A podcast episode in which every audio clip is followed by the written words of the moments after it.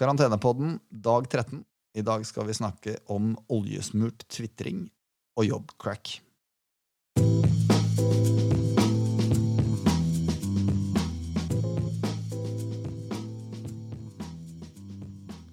Er du med meg, Christian? Yes. Det er ikke helt lett å skille dagene fra hverandre nå? Nei, det er ikke det. De, den ene følger den andre, og de er helt like. Og plutselig kommer kvelden, og så er det morgenen igjen. Og så er det middag, og så er det på'n igjen. Ja, det er, det er ganske heavy. Eh, hva er siste nytt på virusfronten? Eh, det går i, fortsatt i feil retning eh, globalt. I dag så ble det telt 80 600 nye bekreftede tilfeller av koronasmitte i verden. og Det er den største daglige økningen så langt. og Til sammen i verden så har vi nå i overkant av 1 million Eh, tilfeller. Og over 55 000 har eh, gått eh, bort. Og de regionene som er i svakest eller verst utvikling, det er jo fortsatt USA, hvor vekstraten fra dag til dag i antall smittede ligger på rundt 14% Den har vært høyere tidligere, men det er fortsatt 14% og dødsraten vokser med rundt 25% hver dag. Så utviklingen er ikke bra. Men i, New York, så selv om det er åpenbart store problemer på sykehus med kapasitet osv., så, videre, så har det vært en stabilisering i New York uh, isolert sett. Både på infeksjonsraten og også hvor mange som legges inn på, på sykehus. Og begge de vekstratene er da på rundt uh, eh, 10% så langt. Uh, heldigvis så ser det verst ut til å være bak oss i Italia. Eh, vekstraten på nye smittede er ned på 4 og også dødsraten og eh, antall nye som legges inn på sykehus eh, har blitt lavere. Det vi følger med på som også bekymringsverdig, det er jo det vi ser i India og Brasil. Og der har jo de to diagonalt motsatte måter å håndtere dette på fra politikernes side. Fordi i Brasil så er jo presidenten en eh, benekter. Han følger jo litt i kjølvannet der Trump begynte med innledningsvis. Og har så langt nektet å innføre eh, restriksjoner og sosial isolasjon osv. Mens i India så har man gjennomført eh, ekstreme tiltak til et så stort land og med så mange innbyggere til å være. Så og Overordnet sett så er situasjonen fortsatt uh, veldig prekær og ille, men i Europa og Italia så ser vi ut til at vi i hvert fall har passert uh, det verste. Men du, jeg lurer på en sak. Eller jeg lurer egentlig på to saker. For det her får jo interessen for pandemier til å øke enda mer hos meg. Men vet du hvor mange som døde av HN1-viruset, altså svineinfluensaen? Nei, det vet jeg ikke. Vil du prøve å tippe? Globalt sett. Nå, nå, Globalt sett. Skal jeg tippe 10 000? Det var 650 000 på global basis. Det var overraskende høyt tall, eh, syns jeg. Ja, det var mye. Ja, og der sto faktisk ikke Altså, USA sto for et sted mellom 12 og 20 000. Ja. Så um, det, det, var i hvert fall veldig overraskende for meg. Og så har jeg et annet spørsmål, og det er um, Sverige har jo nå dødstall som er tror jeg 360 nå. Og så mm. har de ikke noe særlig mer smittede enn i Norge. Uh, I Norge så har vi 50 døde, og samme som Sverige i antall smittede. Hva er som er grunnen til at uh, dødstallene i Sverige er så mye høyere? Eh, det er et veldig godt spørsmål. Det vi vet, er jo at eh, en stor andel av eh, aldershjemmene i Sverige har hatt smittebølger. Og vi vet jo at de eldste i befolkningen er spesielt utsatt for å, å få alvorlige komplikasjoner og, og dødsfall pga. dette her. Det man også ser i Sverige, er jo at en stor andel av de smittede er innvandrere eller kommer fra Eh, innvandrerfamilier. Og som da gjerne ikke nødvendigvis oppfatter de samme signalene om sosial isolasjon. Det er det ene. Og det andre er at de også gjerne bor tettere sammen. Eh, og er langt mer sosial enn kanskje vi, vi nordmenn, eller etniske nordmenn er. Eh, og det kan bidra til noe av spredningen i dødsfall i Sverige. Ja, men det er det. For det, det, tenker jeg at det burde jo bidra til spredningen, ikke til en økt dødsfall. Og hvis, da, da, tenker jeg at da må det være noen ganske store mørketall da, i Sverige på antall smittede. Antageligvis er veldig mange flere smittede. Det kan det være. Ok, Men vi eh, beveger oss over til markedet, Kristian.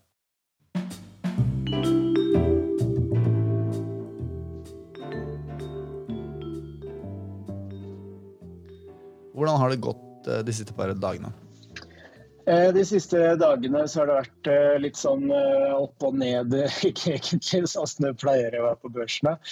Men hvis vi ser på uka under ett, så har det vært en relativt bra uke på Oslo Børs med oppgang på drøye 2,9% men det har ikke vært så bra ellers i verden. I Europa så falt børsene rundt 4% gjennom uka.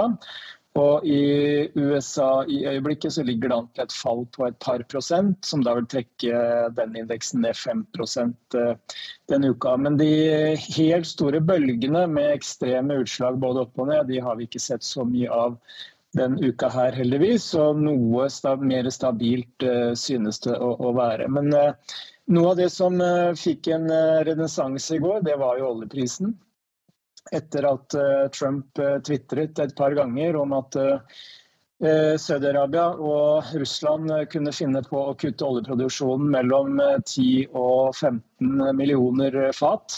Han spesifiserte ikke om dette var 10-15 millioner fat per dag, fordi det ville i så fall vært i prinsippet umulig for Saudi-Arabia og Russland å få til alene. Men selv om man alltid kan mistenke Trump for ikke alltid å ha eh, fakta og, og å si, sannheten på sin side, så har i hvert fall han som president i USA fått ballen til å rulle, om ikke annet. Og vi vet jo at Saudi-Arabia er en tett alliert av USA og er avhengig av våpenleveranser osv. Så, videre. så Trump har nok eh, saudi-arabiske myndigheter og, ledere Eh, han har ikke rundt lillefingeren, men har også relativt god innflytelse. må vi kunne si.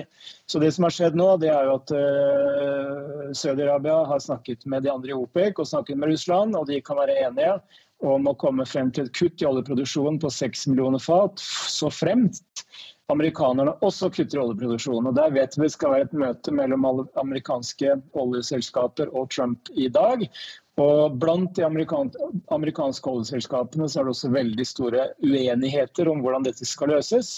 Noen mener at USA rett og slett bør ilegge sanksjoner mot uh, Saudi-Arabia og Russland dersom man ikke tvinger de til å kutte i oljeproduksjonen, og at amerikanerne ikke trenger å kutte selv. Mens andre produsenter som har problemer med å finne lagerkapasitet til uh, sin produserte olje, eh, de sier seg villige nok til å, kunne kutte i produksjonen. Så uansett så ser det ut til å være eh, opp til USA om de er villige til å kutte, for da kan vi få 6 millioner fat per dag relativt kjapt.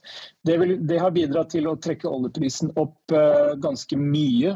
Det steg med over 20 i går alene. Og har steget nesten 10 i dag også, så nå er vi på rundt 33 eh, dollar per fat. Ja, og da, Jeg må bare benytte anledningen, siden du snakker om uh, uh, olje til tvitring. Altså, uh, jeg må benytte anledningen til å plugge Donald Trump på Twitter. jeg ble rett og slett usikker på om det faktisk er Donald Trump jeg følger.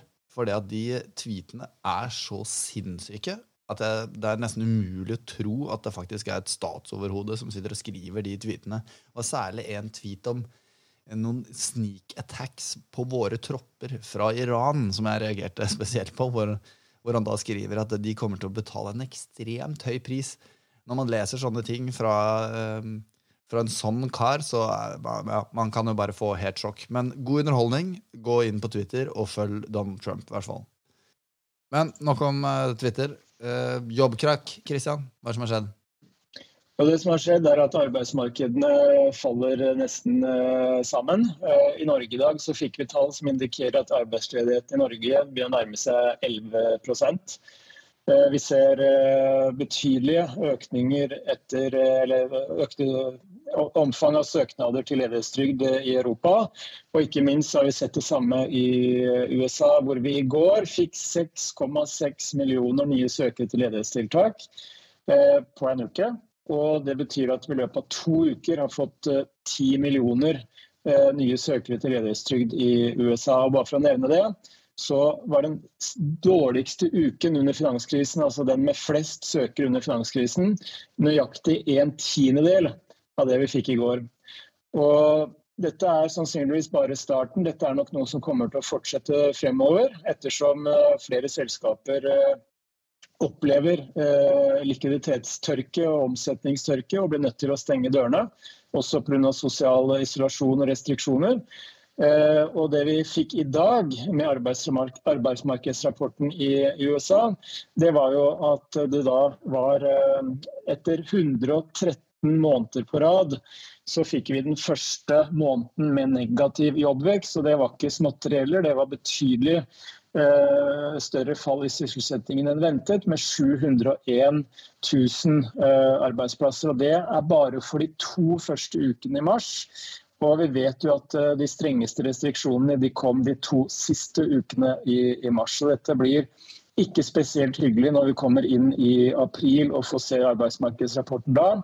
Sannsynligvis så vil arbeidsledighetsraten kunne nærme seg 13-14-15 i, i april på det verste. I, for mars så steg den til 4,4% Christian Lie aka Hamars svar på Johnny Raincloud. Jeg liker at du bare bryter oss helt fullstendig ned før du skal gi meg det som jeg har bedt om at vi skal få i dag. Eh, siste dag før påske, og jeg vil gjerne ha best case scenario av deg nå. Ja, Best case eh, scenario det er jo noe vi har eh, estimert har sånn ca. 10% sannsynlighet for å skje.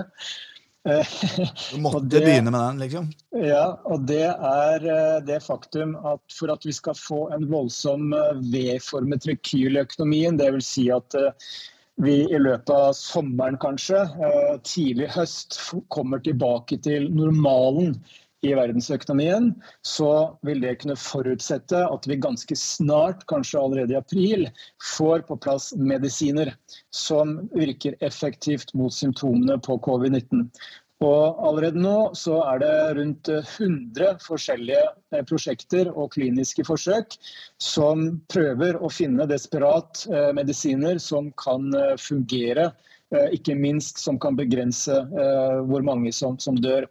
Eh, denne Remdesivir, som produseres av amerikanske selskapet Gilead, har vist en del lovende signaler på eksperimentelt basis. Og Der får vi resultatene i løpet av april. og Det er også flere andre medisiner som har vist uh, positive uh, tendenser til å, bekjempe symptomene. og Skulle man få på plass en medisin i løpet av april-mai, som viser seg å være effektiv, så er det ingen tvil om at det vil være en game changer ikke bare for de som er syke og blir smittet, men selvsagt også for mulighetene til å lette opp i restriksjonene og få økonomien i gang igjen. Og for en oppstart det da vil kunne bli, med tanke på den oppdemmede etterspørselen som er både blant husholdninger og bedrifter, som nå har økt sparingen sin og sanket på kontanter for å overleve denne situasjonen. Og I tillegg da så har vi jo en politikk, en finanspolitikk og en pengepolitikk som er helt ekstrem, som vil kunne gi en voldsom medvind dersom et medisinsk gjennombrudd finner sted. Så det var vel en positiv avslutning.